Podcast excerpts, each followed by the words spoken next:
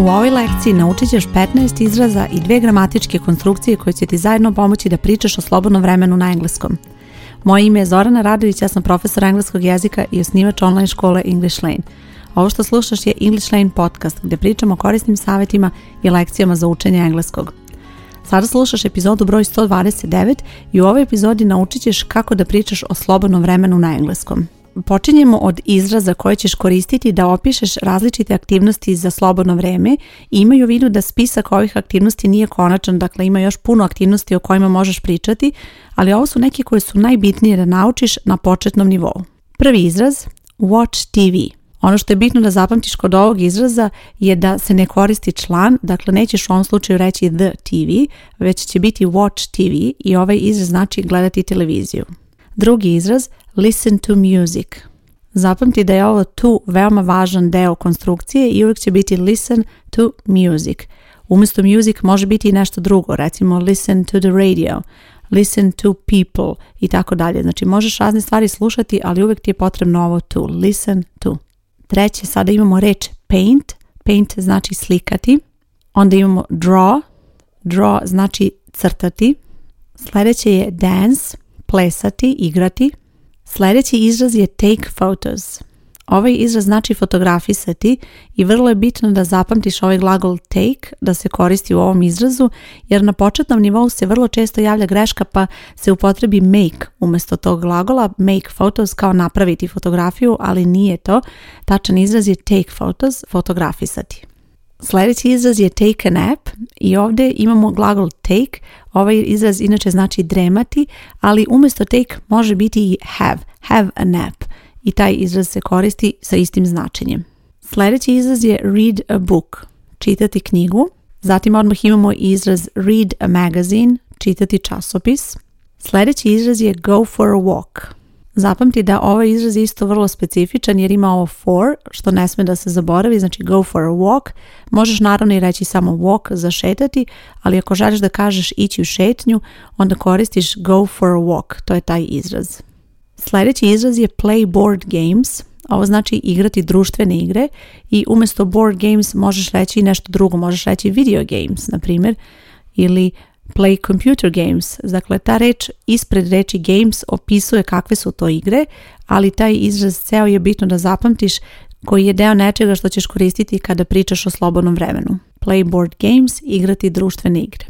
Sljedeći izraz je do the gardening – i kada želiš da pričaš, kada radiš u bašti, kada sređuješ baštu, koristit ćeš ovaj izraz do the gardening i zapamti da je glagol do jedan glagol koji ćeš koristiti u mnogim aktivnostima, ne samo za slobodno vrijeme nego za aktivnosti koje svakodnevno obavljaš, ali to je nešto što ćeš učiti naravno na kursu koji pohađaš, kako napreduješ sa učenjem i kako proširuješ svoj fond reči. Sljedeći izraz je ride a bike, ovo znači voziti bicikl.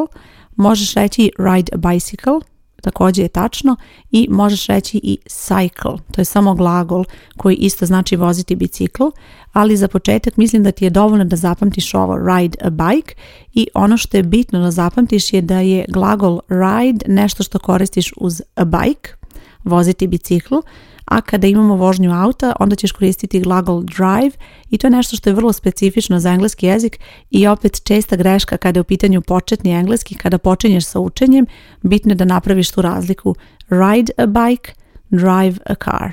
Imali smo voziti bicikl i voziti auto, iako su oba voziti i voziti, na engleskom su to dva različita glagola. Sljedeći izraz za slobodno vreme je learn a language – učiti jezik. I posljednji 15. izraz je knitting, to znači pletenje. E sad kada znaš ovako ove reči i ove izraze koje možeš upotrebiti da pričaš o slobodnom vremenu, potrebne su ti i neke gramatičke konstrukcije, odnosno način da sve ovo uklopiš u rečenicu i da onda možeš da kažeš nešto o tome. I za početak prvo nešto što ćeš koristiti je glagol like, Glagol like znači voleti i kada želiš da upotrebiš ovaj glagol možeš posle toga reći neku aktivnost koju voliš da radiš. I postoji dva načina da to uradiš. Evo uzet ću primjer izraza ride a bike. Kada želiš da kažeš da voliš da voziš bicikl, možeš koristiti glagol like, ali postoji dva načina kako ćeš upotrebiti taj izraz, odnosno kako ćeš ga prilagoditi toj rečenici. Prvo imamo I like to ride a bike. Znači imamo like, onda imamo to i onda imamo glagol. To je eto neka kao formula koju možeš da zapamtiš. Like plus to plus glagol u infinitivu. I like to ride a bike. Ta rečenica znači ja volim da vozim bicikl. Sljedeća rečenica je nešto što isto možeš koristiti u istoj situaciji sa istim značenjem, ali drugačija je konstrukcija. Slušaj sada ovo. I like riding a bike. Dakle, imamo like, a onda posle imamo glagol ride sa nastavkom ing. Like riding. I like riding a bike. Isto znači ja volim da vozim bicikl, ali su upotrebljena dva različita izraza, odnosno prilagođena su na drugačiji način glagolu like. I to je nešto što je tipično za glagol like i bitno je da zapamtiš, to je jedan od prvih glagola koje ćeš naučiti kada učiš engleski jezik i probaj da zapamtiš to i da napraviš razliku. Znači ili je like to plus glagol ili je like plus gerund.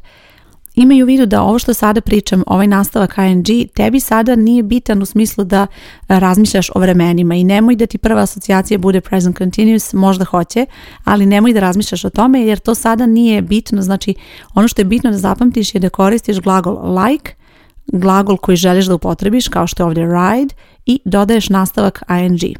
Ništa ti dalje nije bitno od gramatike šta je to i zašto se to tako koristi za sada. Kada si na početnom nivou bitno je da razumeš da posle glagola like koristiš ili to plus infinitive, to ride ili može biti to take, to learn i tako dalje. Ili ćeš koristiti like plus ovaj glagol sa nastavkom ing, ali sada nema tu. Znači like riding, like taking, like learning i tako dalje. Ako učiš engleski u mojoj školi, ovo su aktivnosti koje ćeš učiti u okviru kursa koji pohađaš i zajedno sa glagolom like vidjet ćeš kako ćeš uspjeti da upotrebiš ove izraze kroz različita vežbanja i zadatke i probaj da razmišljaš o tome na takav način da um, kada učiš engleski jezik i kada naučiš recimo ove primjere za slobodno vrijeme i ove konstrukcije kao što recimo glagol like, probaj da to odmah upotrebiš na neke rečenice koje zaista želiš da napišeš. Dakle, nešto što bi zaista ti rekla za sebe, probaj da uradiš to, posebno recimo u zadacima koje meni šalješ na pregledanje. Dakle, napiši rečenice kakve bi ti želela i smislila da napišeš i ja ću ti naravno poslati sugestije ukoliko ih bude bilo, a bitno je da kada učiš engleski jezik, ne samo ovo, nego sve što učiš, odmah upotrebiš i razmišljaš o tome kako to možeš primijeniti u različitim situacijama koje su naravno primjenljive u tvom slučaju.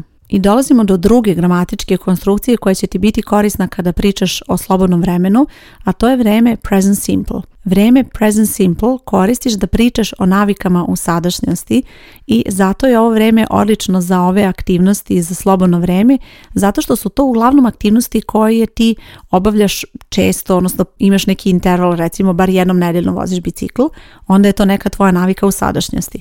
Dakle, kada učiš vremena, inače vrlo je bitno da razumeš tu upotrebu i eto za present simple bitne su te navike. Znači, ako pričaš o navikama u sadašnjosti, to su situacije kada moraš da upotrebiš vreme present simple.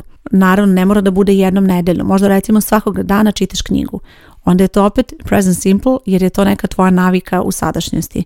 Isto recimo ako gledaš televiziju svakog dana, opet bi bilo nešto što je navika u sadašnjosti. Ili recimo jednomesečno igraš društvene igre, tada bi opet bila situacija gdje je nešto što se ponavlja neka navika. A kada je navika u pitanju, onda moraš da upotrebiš vrijeme present simple. Daću ti odmah dva primjera rečenice gdje možeš da vidiš kako se to koristi. I watch TV every day. Ja gledam televiziju svakog dana. Dakle, ovo je navika u sadašnjosti i koristiš vrijeme present simple. Ovo watch, to je glagol u vremenu present simple. She reads a book on Saturdays. Ova rečenica znači ona čita knjigu subotom. U ovom slučaju opet imamo naviku u sadašnjosti i iako se ne ponavlja svakoga dana, dešava se svake subote, dakle to je neka njena navika i tada koristiš present simple, zato je glagol read u vremenu present simple. E sad čuješ i nastavak ovdje, she reads a book on Saturdays, to je zato što za present simple postoji pravilo kako se gradi kada je u pitanju glagol za treće lice nine što je ovo she. Dakle, kada smo imali I, bilo je watch, to je glagol bez ikakvih nastavaka, ali za present simple je bitno da zapamtiš da ako imaš treće lice nine, to je he, she, it, on, ona, ono, tada dodaješ nastavak s ili s u zavisnosti od glagola i onda će biti reads. Ako su ti ova pravila za present simple malo zbunjujuća Imaju u vidu da je to nešto što ćeš učiti kako napreduješ sa učenjem. Dakle, vrlo često ćeš biti u situaciji da recimo kada je u pitanju moj kurs i kada je u pitanju polaznice u mojoj školi, one će učiti ove aktivnosti za slobodno vreme i odmah će učiti tada i present simple, tako da će to biti onako lepo spojeno i moći će odmah da vide kako se to odmah koristi u praksi, ali i kurs koji ti pohađaš ako učiš u nekoj školi ili recimo učiš samostalno uz neki udžbenik, vidjet ćeš da će to vrlo brzo biti povezano i probaj i ti sama dok učiš da povežeš ove stvari. Dakle, aktivnosti za slobodno vreme i present simple je nešto što se zajedno vrlo često uči baš zato što i jeste spojivo u praksi i nešto što se tako koristi. Ako te zbunjuju pravila, želiš sada da pogledaš malo pravila ili želiš malo da ponoviš pravila za Present Simple, na ovoj stranici gdje slušaš podcast bit će i link ka lekciji koju možeš da pogledaš da se podsjetiš kako se ovo vreme gradi. Inače, pretpostavljam da si početnik zato što slušaš ovu epizodu koja je o engleskom za početnike, Znaj da sam napravila još ovakvih epizoda, imam još epizode koje su posvećene engleskom za početnike gdje možeš naučiti još neke bitne stvari koje će ti posebno biti korisne kada počinješ sa učenjem i sada ću ti reći koje su to epizode. Dakle, preslušaj i ove epizode English Line podcasta, broj 88, to je upoznavanje tema u toj epizodi, onda imamo broj 94, to su 10 pitanja koja moraš znati kada je u pitanju početni engleski, epizoda broj 97, kako da pri pričaš o vremenu. Epizoda broj 106, tema je u kupovini, pa ćeš naučiti izraze koji su korisni u toj situaciji. I epizoda 123 u gradu, opet su u pitanju izrazi koji će ti biti korisni na početnom nivou. Inače, kada učiš engleski, kada počinješ sa učenjem i kada si na tom početnom nivou, vrlo je bitno da učiš ovako izraze i neke praktične stvari iz dva razloga.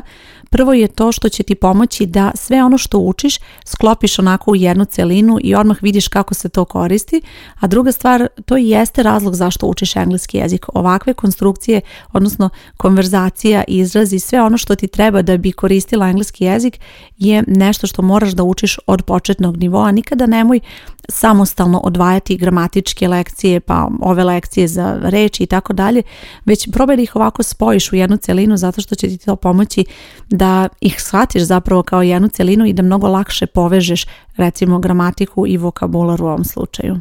Nadam se da ti je bila korisna ova lekcija i ukoliko ti je potrebna pomoć kada je u pitanju učenja engleskog jezika, posebno ako tek počinješ ili se vraćaš u učenju engleskog od samog početka, ja vodim English Lane školu, u pitanju je online škola za učenje engleskog jezika, učit ćeš na online kursevima engleskog i postoje kursevi koji su baš prilagođeni početnicima jer je ovo nešto što je veoma važno kada je u pitanju tvoja osnova, odnosno dalje usavršavanje engleskog, bitan je taj početak i bitno je da kreneš na pravi način kada učiš engleski.